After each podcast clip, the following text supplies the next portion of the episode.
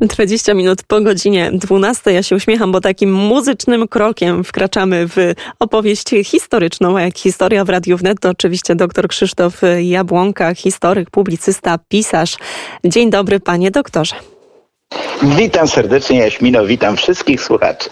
Słucham no, cię uprzejmie. No właśnie, bo mamy bardzo, tak naprawdę mamy dzisiaj kilka mm, ważnych, mm, ważnych dat, kilka ważnych dat, o których warto wspomnieć. My opowiemy mm, o bitwie pod Austerlitz.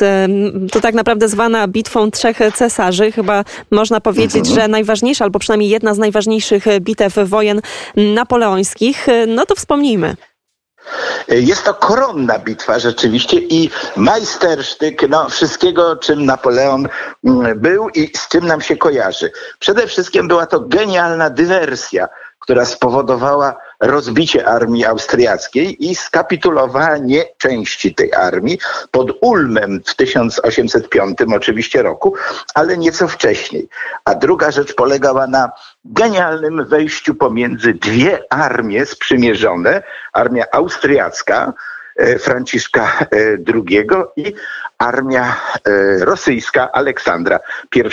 Dodajmy, że obaj ci cesarze cesarze, powiedzmy, e, e, starodawni, byli sprzymierzeni, byli obecni w tej bitwie. No i oczywiście po drugiej stronie jezior morawskich był również Napoleon jako trzeci. Wzgórzem, z którego dowodził, nazywa się Żurawno i tam jest, czy też Żurań, i tam jest bardzo piękny kamień, na którym można, wyryta jest cała bitwa. Można obejrzeć, jak ta bitwa kolejno przebiegała. Dodajmy, że Dzień 2 grudnia 1805 roku był jednocześnie pierwszą rocznicą koronacji Napoleona w katedrze Notre Dame w Paryżu, która się odbyła 2 grudnia 1804 roku i była ukoronowaniem przekształcenia no dosyć już niemrawego konsulatu, gdzie on i tak już był dożywotnim konsulem, wreszcie w E, cesarstwo. Była to klasyczna, klasyczne naśladowanie cesarstwa, republiki, konsulatu i cesarstwa rzymskiego, ale poniekąd i Karola Wielkiego.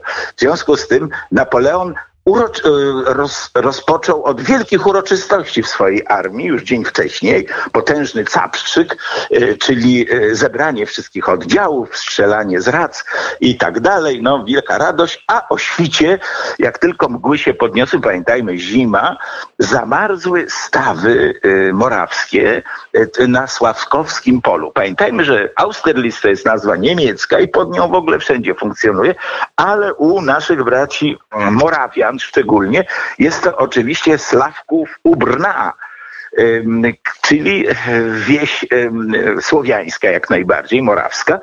I tam właśnie między tymi stawami rozegrała się owa e, no, genialna w sumie bitwa. Na czym ta genialność polegała już w skrócie mówiąc? E, mianowicie na założeniu, że się e, Austriacy nie dogadają z Rosjanami.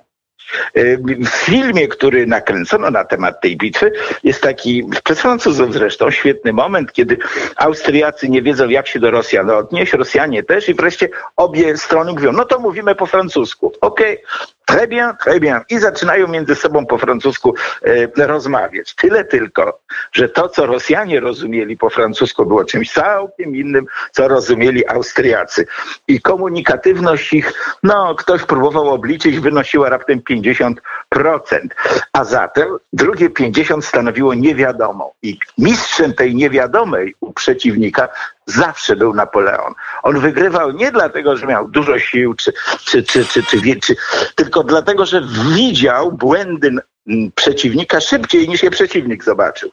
I uderzył po, w spoiwo między obiema armiami. Potężna dywizja Sulta, marszałka Sulta, no razem z cesarzem Napoleonem kreowano dwunastu marszałków. Trochę na wzór dwunastu apostołów. No i tych dwunastu marszałków Francji y, byłoby praktycznie potem by się wymieniali, niektórzy odchodzili na, do innych krajów lub na emeryturę powoływano następnych. I e, marszałek Sult potężnym uderzeniem, a rzeczywiście zmasowanym, jedna brygada za drugą, rozbił obie armie, a właściwie ich spoiwo. Jest taki kulminacyjny moment, kiedy armia rosyjska wycofuje się przez zamarznięty staw. Napoleon natychmiast skierowuje artylerię, która rozbiła ten cały staw, i ta cała armia wpadła w wodę. No, przypuszczano, że tam straszne ilości y, potonęły, ale gdy spuszczono wodę kiedyś już po latach, znaleziono raptem dwa szkielety, y, ponieważ woda sięgała po pachy. No, to, że sięgała po pachy, to jest połowa, ale człowiek przemoczony to, i to jest w zimie, już się nie nadaje do bardziej um, efektownej walki. W związku z tym wyeliminował um, ogromną um, brygadę, czy nawet dywizję, notabene generała rosyjskiego o nazwisku Przybyszewski. Więc swój udział w tym Austerlitz też mamy po stronie chociażby rosyjskiej, ale po stronie francuskiej walczyło 500 Polaków co obliczył wielki badacz Robert Bielecki. No i puenta. Otóż okazało się po latach, że Napoleonowi sprzyjała przyroda. Tak jak e, rzuciła go na kolana w wyprawie moskiewskiej, tak pod Austerlitz była po jego stronie. Otóż źródła po drugiej stronie owego pola, gdzie bazowali głównie Rosjanie, ale i częściowo Austriacy, były bardzo silnie alkaliczne. Co to znaczy? No, że miały bardzo dużo sodu i potasu, który był wypłukiwany e, z głębi ziemi. Tam są piękne e, jaskinie, kras morawski. A a alkaliczna woda powoduje, no wstyd się teraz przyznać, ale po prostu biegunkę.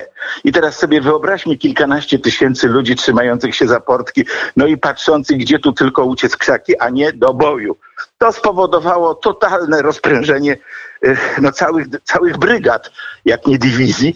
I yy, zdrowi, wysportowani, y, zagrzani do boju, a jeszcze po obchodach stule, y, pierwszej rocznicy Francuzi y, może niezbyt mm, to ładnie brzmi, ale nie mieli wielkiego kłopotu z rozcięciem tych dwóch koalicjantów. No, gdy bitwa dobiegła końca, Pogrom był e, kompletny. Z tym tylko, że te armie po prostu się wycofały, odskoczyły, ale w przeciwnych kierunkach i koalicja pękła. Wtedy też Napoleon natychmiast e, wcześniej udając e, zaniepokojonego o swój byt, zaczął rozmowy pokojowe, sugerując, że no on się po prostu boi.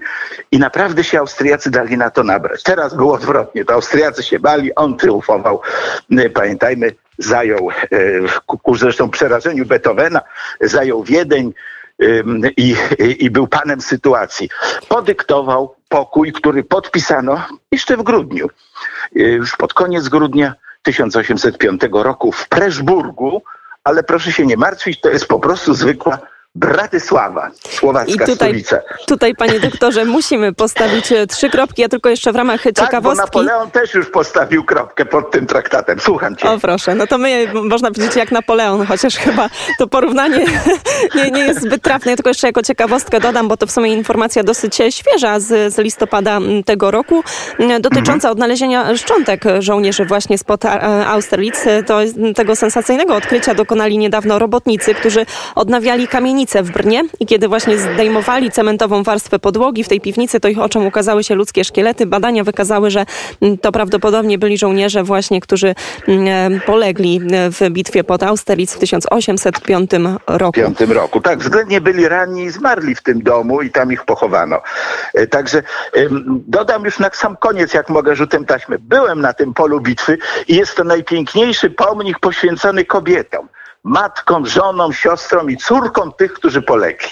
Dziękuję Ci, Jaśmina, za wiele. Serdecznie dziękuję. Doktor Krzysztof Jabłonka, historyk, współpracownik Radia Wnet, a także wybitny pisarz. Był gościem Kuriera w samo południe. Drodzy Państwo... Polecam gawędę historyczną. A to ja także polecam. Pięknie wydana. Ja już, ja już takową posiadam, więc mogę z czystym sumieniem zachęcić słuchaczy Radia Wnet. Po tę pozycję na pewno warto sięgnąć. Drodzy Państwo, 12.30 już za kilka chwil na naszym zegarze, a to oznacza, że mm, krótka piosenka, a zaraz po niej rozmowa. Kurier ekonomiczny, tym razem w zastępstwie za Adriana Mm, Kowarzyka, mm, Łukasz Jankowski, więc bądźcie Państwo razem z nami, ale zanim to nastąpi, to jeszcze przed nami chwila muzyki.